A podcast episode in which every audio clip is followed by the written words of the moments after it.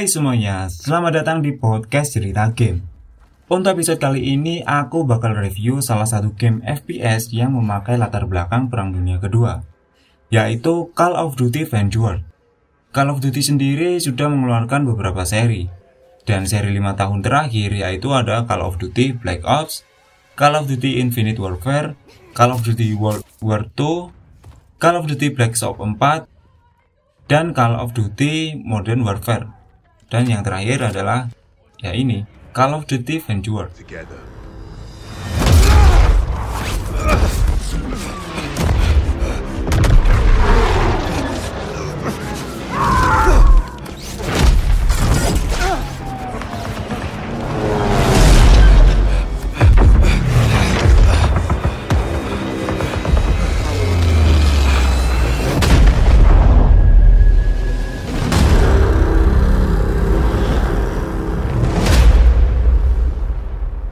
Duty Vanguard membawa kita kembali ke Perang Dunia Kedua.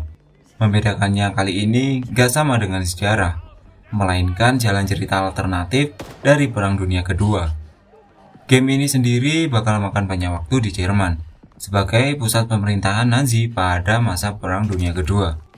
Sebagai player, kita akan memainkan beberapa karakter yang berasal dari beberapa negara, yang tergabung dalam sebuah tim khusus untuk mencari tahu soal sebuah proyek bernama Proyek Phoenix yang memang dibuat oleh Nazi.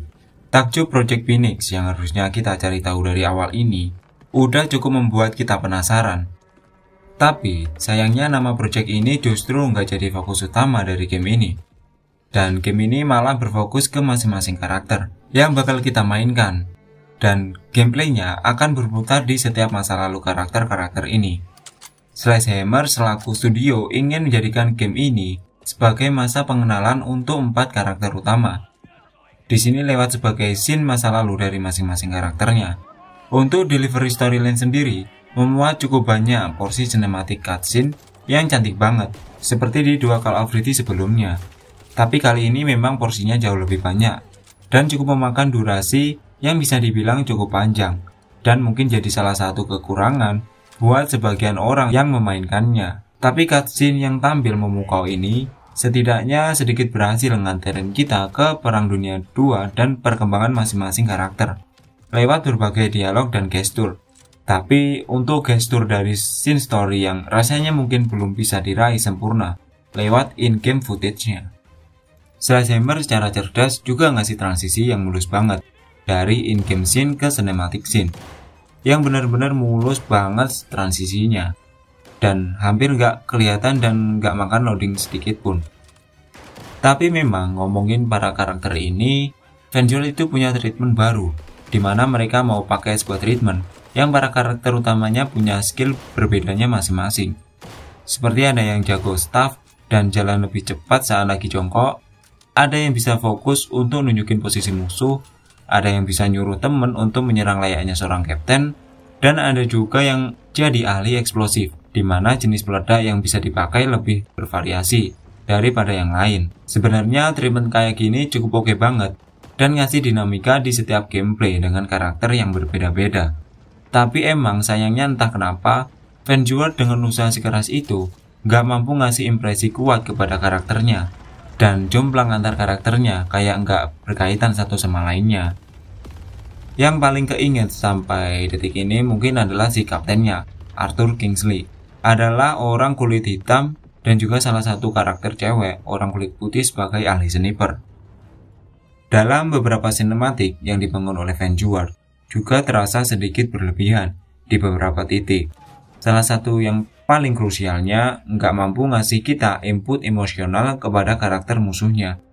Sehingga nggak ngerasakan kepuasan dan kekesalan yang sama kayak seperti kalian rasakan saat membunuh final boss di mode warfare misalnya, ataupun Black Ops.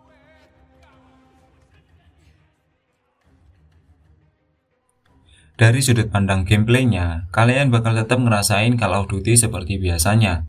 Intens ramai meledak-ledak dengan bumbu ala-ala Hollywood seperti biasa. Dan ini yang selalu disuka dari Call of Duty itu berlagak jadi James Bond. Selain itu, Vanguard juga ngasih variasi map yang cukup beragam, mulai dari padang gurun, Lalu Rusia yang lagi penuh dengan salju semuanya ada. Dengan suasananya intens juga tentunya. Sampai pada perang pesawat di udara ala Battlefield dengan kontrol yang cukup bikin frustasi. Kalau misalnya kita pakai mouse dan keyboard. Please deh, jangan dipakai, mending kalau punya stick, pakai itu aja. Nah, Call of Duty Vanguard juga ngasih beragam senjata, perang dunia kedua, dan berhasil ngasih efek berat dan prematurnya senjata-senjata perang dunia kedua mulai dari reload yang super lama untuk beberapa senjata sampai kepada recoil yang awur-awuran karena firepower yang tinggi. Nah, cuman sayang juga pas di storyline senjatanya cukup terbatas. Tapi setidaknya senjata terbatas ini cukup ngasih impresi yang lumayan mantap. Karena emang jarang kalian lihat aja di game-game FPS yang sering ambil setting waktu modern dan masa depan. Jadi munculnya senjata-senjata perang dunia kedua ini dengan detail developing segitu dalamnya, menurut aku kalau Call of Duty Vanguard ini berhasil ngasih kita kesegaran untuk memakai senjata-senjata dari era perang dunia kedua.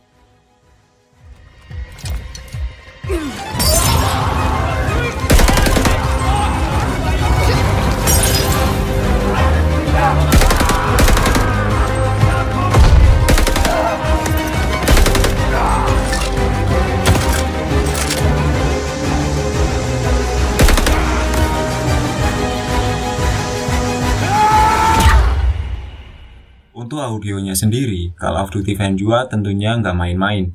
Lebih rasanya semua feel senjata, setiap peluru yang jatuh, proses reload, ledakan granat, gedung runtuh, semuanya terdengar sangat detail banget dan luar biasa tentunya.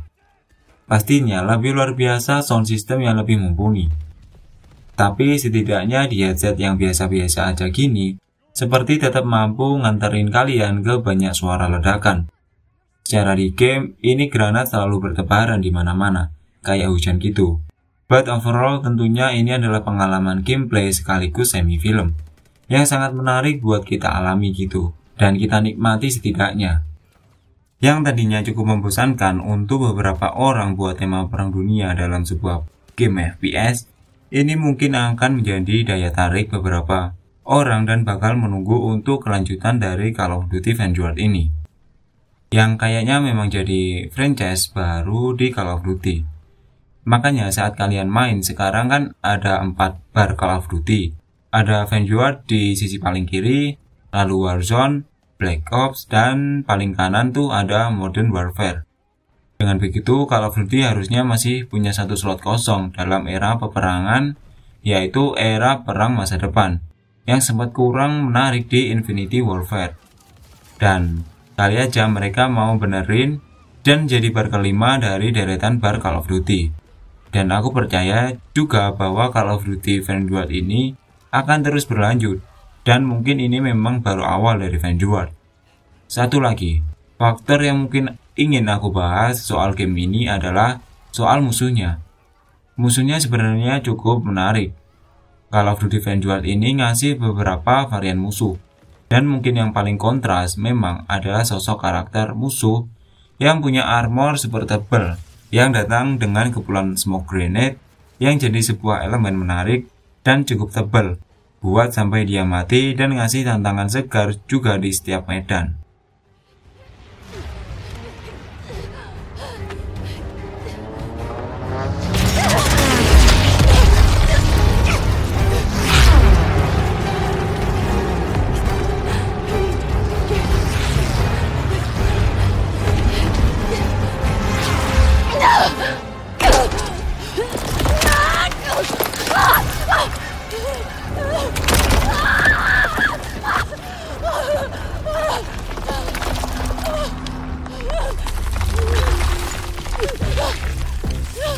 Itulah salah satu elemen Hollywood dari Call of Duty.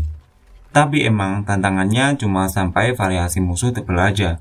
Karena saat main di difficulty veteran yang tersignifikasi ya cuma durability kalian yang semakin tipis. Yang emang alias sekali dua kali tembak udah pasti mati kalian. Tapi untuk pergerakan musuh ya masih sama-sama aja. Selain itu masih ada beberapa bug seperti lu bakal respon di depan musuh dan langsung mati karena kena tembak terus. Sehingga kalian harus nurunin difficulty kalian dulu untuk bisa nembak itu musuh yang muncul depan muka saat respon. Jadi pas respon ditembak nggak langsung mati. Karena kalau veteran biasanya ditembak langsung mati. Nah, itu sering terjadi di Call of Duty Vanguard. Yang agak mengecewakan dari musuh adalah sedikitnya rasa kepuasan yang diberikan kepada kita untuk mengeksekusi musuh kita. Di Cold War kan kita seru tuh bisa nyiksa orang. Memang jadi salah satu key figure dari game tersebut. Nah, di sini mah cuma dikasih momen final boss doang. Dan itu juga kurang greget amat. Padahal itu yang kita lawan tuh ceritanya kan setara dengan Hitler gitu. Ya masa semudah itu buat ngebunuh dia gitu? Kan seharusnya lebih greget lagi, tapi sayangnya memang sesimpel itu untuk ngebunuh si bos. Dan kebanyakan main di masa lalu para karakter. Jadi fokusnya nggak ke perang dunia keduanya atau di inti ceritanya, tapi justru malah ke background dari karakter-karakternya. Dan menurut aku itu kurang banget gitu. Makanya udah nggak greget sama musuhnya. Ya memang nggak numpuk-numpuk amat gitu sama si musuhnya. Jadi ya biasa aja gitu saat bosnya mati, sehingga ya pas tamat mah tawar-tawar aja rasanya. Nggak ada kayak rasa puas aja dan jadi ini kayaknya habis nembak dar, udah selesai, tamat, tidur, udah gitu doang. He'll never talk. Get up!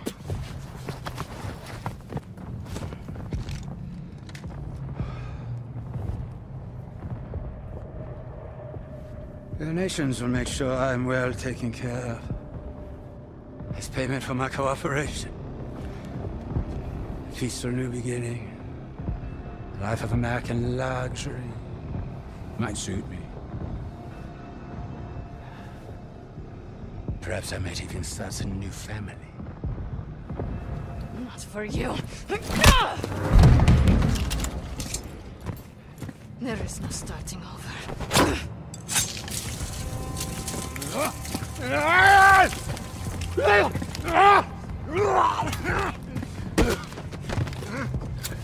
This is your new beginning. Fascistkaya Svinya. Do you even know who I am? The value I can provide? Tapi setidaknya secara keseluruhan, Call of Duty Vanguard ini tetaplah Call of Duty pada umumnya.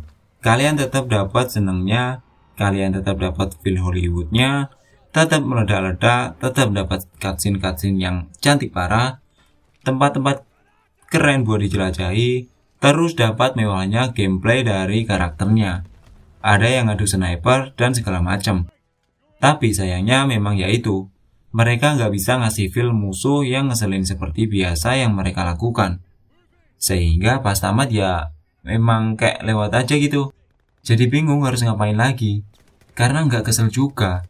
Kalau misalnya nggak dikasih nama ya mungkin kayak mas-mas biasa gitu. Memang harapannya Vanguard sudah selesai dengan pengenalan para karakternya. Semoga di kelanjutannya itu kita dapat musuh bebuyutan yang mungkin dapat lebih banyak porsi buat dieksplor dan gak cuma asal lewat kayak sekarang. Dan semoga bisa lebih sadis juga scene perang dunia keduanya. Harusnya mereka bisa ngasih lebih kelam, lebih gelap, dan sadisnya era tersebut. Kan seharusnya perang dunia kedua itu sadistik gitu. Nah, sayangnya memang di Vanguard ini semua terlihat lebih cerah memang. Musuhnya kayak kurang serem aja beberapa. Dan kesadisan para Nazi ini juga nggak tereksplor dengan baik gitu. Ya karena memang karakter-karakternya yang agak apa ya lebih cocok dari peran yang lain. Setidaknya yang aku ceritakan di game ini bisa ngasih kalian gambaran soal game Call of Duty Vanguard. Sebuah picture soal seperti apa campaign dari Call of Duty Vanguard. Tapi dari Call of Duty sendiri masuk dalam nominasi Best Esport Game di The Game Awards 2021. Ya mungkin itu aja sih review dari aku. Kalau misalnya kita ngomongin buat Call of Duty Vanguard, ini game udah gak usah dipikir-pikir lagi. Langsung aja kalian beli dan mainkan. Udah mungkin itu aja review dari aku mengenai Call of Duty Vanguard.